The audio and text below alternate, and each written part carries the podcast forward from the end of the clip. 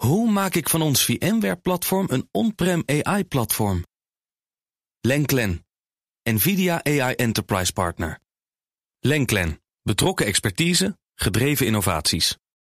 Tech We Update. gaan met Jo van Buurik. Jo, goedemorgen. Dag Bas en Ivan. Apple produceert steeds meer iPhones in India. Terwijl ze eerst in China produceerden. Jazeker, het is een trend. Want het afgelopen fiscale jaar namelijk voor 7 miljard dollar aan nieuwe iPhones geproduceerd. En om dat gelijk in perspectief te zetten, dat is nog maar 7% van alle iPhones. Maar dat is een enorme stijging. Want het jaar daarvoor was het nog maar 1% van de iPhones die uit India kwamen.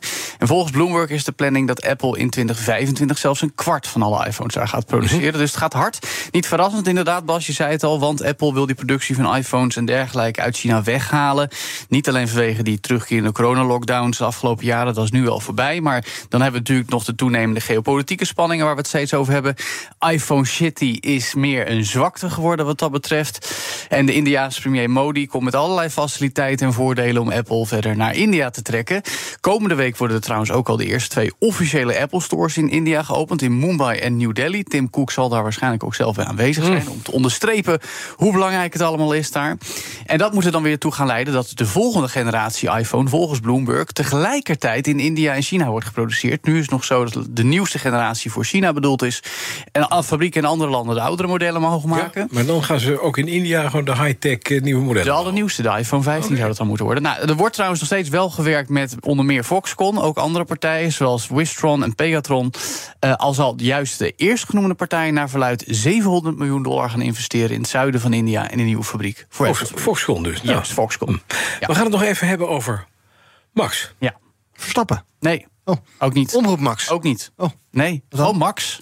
HBO Max. Nee, ja, dat niet meer. Want de nieuwe naam van HBO Max wordt Max. oh, Of Max. Ja, Max. Dat wordt heel, heel. Ja, dat gaat Max. heel veel spraakverwarring geven. Maar goed, eh, logisch gevolg van de fusie. Ja, niet logisch, maar eh, tussen eh, Warner Bros. Discovery eh, een jaar geleden. Die hadden al een platform, Discovery Plus. Maar ja, dan Warner Bros. kwam met HBO Max. Dat wordt nu samengevoegd. In de zomer al in de VS. Volgend jaar ook in Nederland, 2024 dus. En ja, waarom zou je twee streamingsplatforms aanhouden als één bedrijf? Wel, Disney heeft er drie. Dus wat dat betreft doen ze niet allemaal op deze manier. Ehm, Warner Bros. Discovery heeft ook al een hele nieuwe Zwick-series voor Max dus aangekondigd. Waaronder een nieuwe spin-off van Batman, de Penguin, rond die bad guy. En er komt een tv-serie rond Harry Potter, die, hou je vast, tien jaar gaat lopen. Dus mocht je het leuk vinden, ja, ik, ik niet per se, maar zelfs mijn partner, die helemaal gek van Harry Potter is, zit hier niet op te wachten. Maar goed, HBO, wat staat voor Home Box Office, verdwijnt dus uit de naam. Volgens de toelichting van de CEO van streamingsplatforms voor bedrijven is die aanduiding te volwassen. Is HBO te veel eh, verwikkeld met eh, ja, series zoals Game of Thrones. Niet echt iets wat je je kinderen voorschotelt. Terwijl onder Warner Bros. valt bijvoorbeeld ook de Looney Tunes. Dat is wel weer voor de jeugd. Maar het wordt wel verwarrend in Nederlandse huishoudens. Want dan zeg je, we gaan Max kijken. Bedoel je dan de omroep voor oudere mensen, de Formule 1-coureur of het streamingplatform? Ja, precies. Nou, dat maakt niet uit. Heel handig. Ja, Zet jij het volume even op Max? Ja, Max. Wat? Hè? Oh. Waarom hebben ze niet Max Plus genoemd? Dat had ik nou wel mooi gevonden. Nee, niet doen? Oké. Nog even naar dit, want wie een echt verificatievinkje wil zonder te betalen... die moet naar een ander platform. dat klopt. LinkedIn.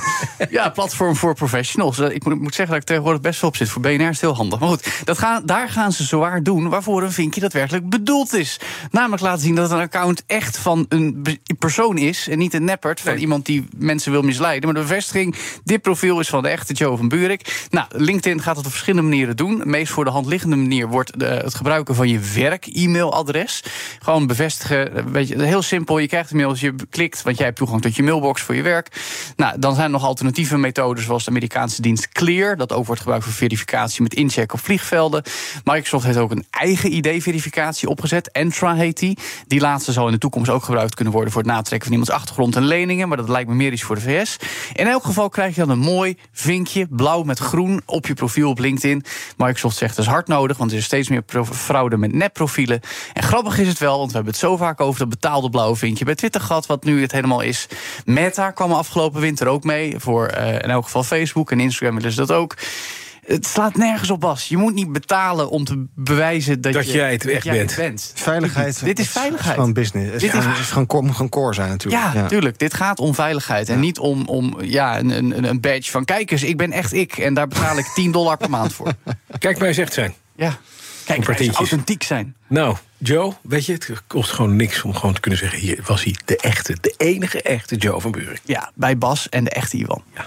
De BNR Tech Update wordt mede mogelijk gemaakt door Lenklen. Lenklen. Betrokken expertise, gedreven resultaat.